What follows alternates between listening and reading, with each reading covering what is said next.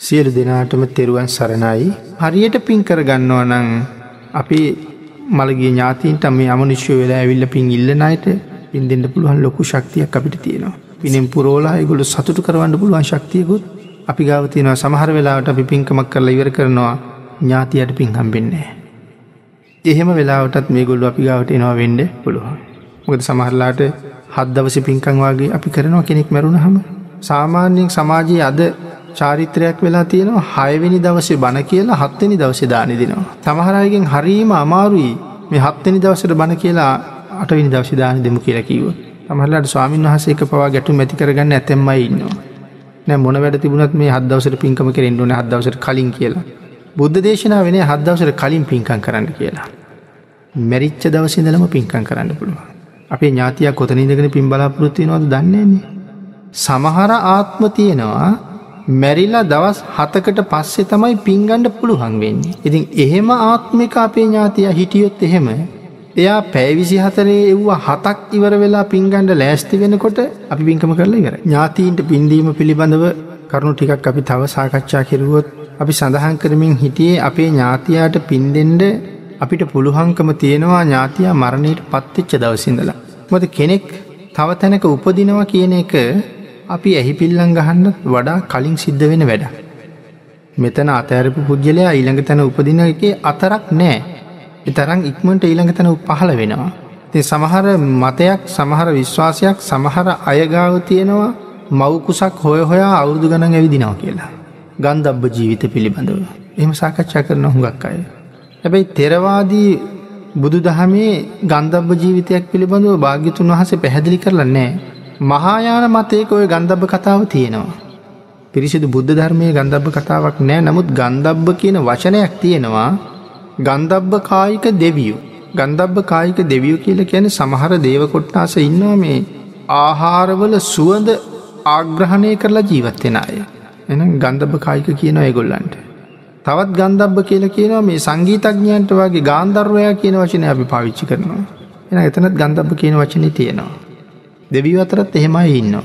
එහෙම අය ගැන ගන්ධබ්බ කිව්ව මිසක් මේ මැරිච්චාය මවකුසක් හොය හොය උපදින්ට තැනක් හොය හොයා ගන්ධබ් බෞද්ධියක ජීවත්වෙනවා කියන එකක් බුද්ධාගමේ නෑ. මෙතන අතාරණකොට ඊළඟ තැන පහළ වෙලා ඉවරයි. ඒ පහළ වෙච්ච තැන එයා පින්ගණ්ඩ ඕන තැනක පින් ඕන වෙලා පහළ වෙලා ඉන්නවද දන්නේ. ඒ නිසා අපිට පුළුවන් අපේ ඥාතියා මැරිච්ච දවසිදලා ඥාතියා වෙනුවෙන් පින් දෙෙන්ට. ඒ වෙනුවෙන් අපි කොච්චර දේවල් කර හැකිද.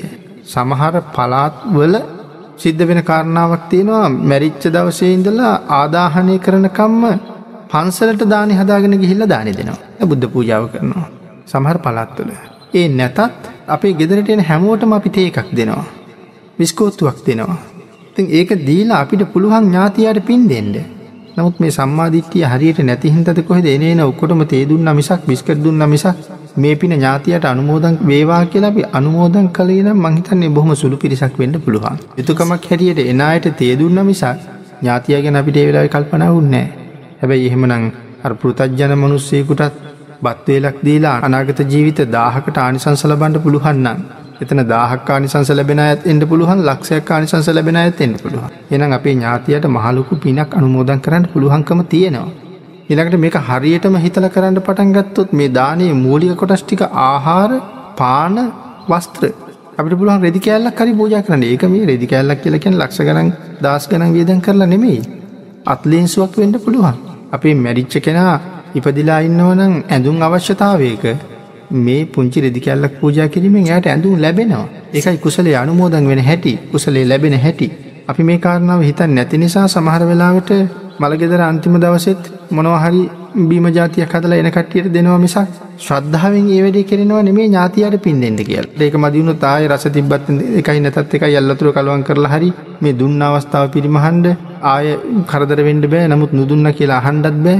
එමතන් කඩට ගිහිල්ල මොනහරි අරගෙන බීම හරි මොනහරි දෙයක්. හරි පහසුවන්න දෙන්න.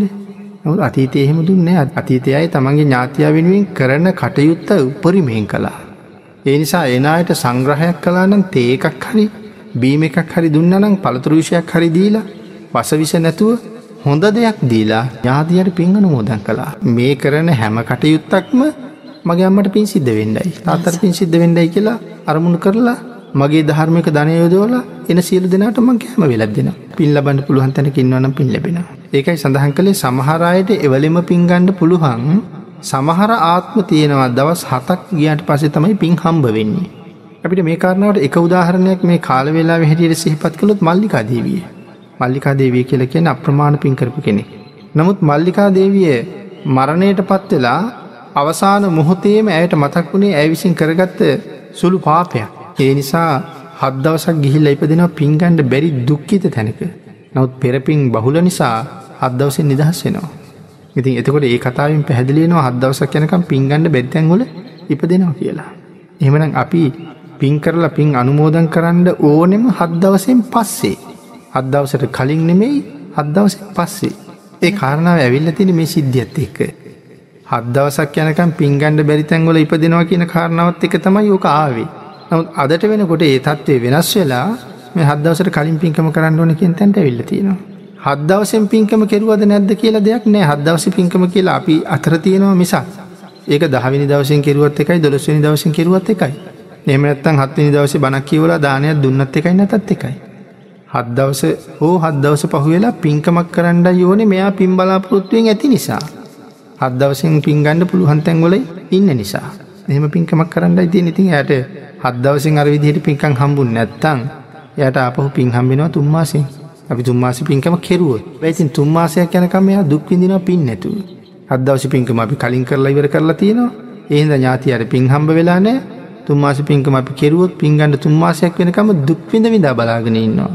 ඊට වඩා හොඳයි හරියටම කාරණාව දැනගෙන හත් දවසට බණ කියලා අටවෙනි දවසට දානි දුන්නා නම් නැත්නම් අටවෙනි දවසේ බණ කියලා නවවෙනි දවසේ බණ කියලා එහෙම පින්කම කෙරුවා නම් මං කියන්නේ ඥාතියා සතුටු වෙයි පින් ගන්න පුළුවන් අය. ඒක තමයි හරි කාරණාව. දැන් සමහර වෙලාවට සමහර අය මාසෙනුත් දානි දෙනවා දෙකිනුත් දෙනවා තුනෙනුත් දෙනවා.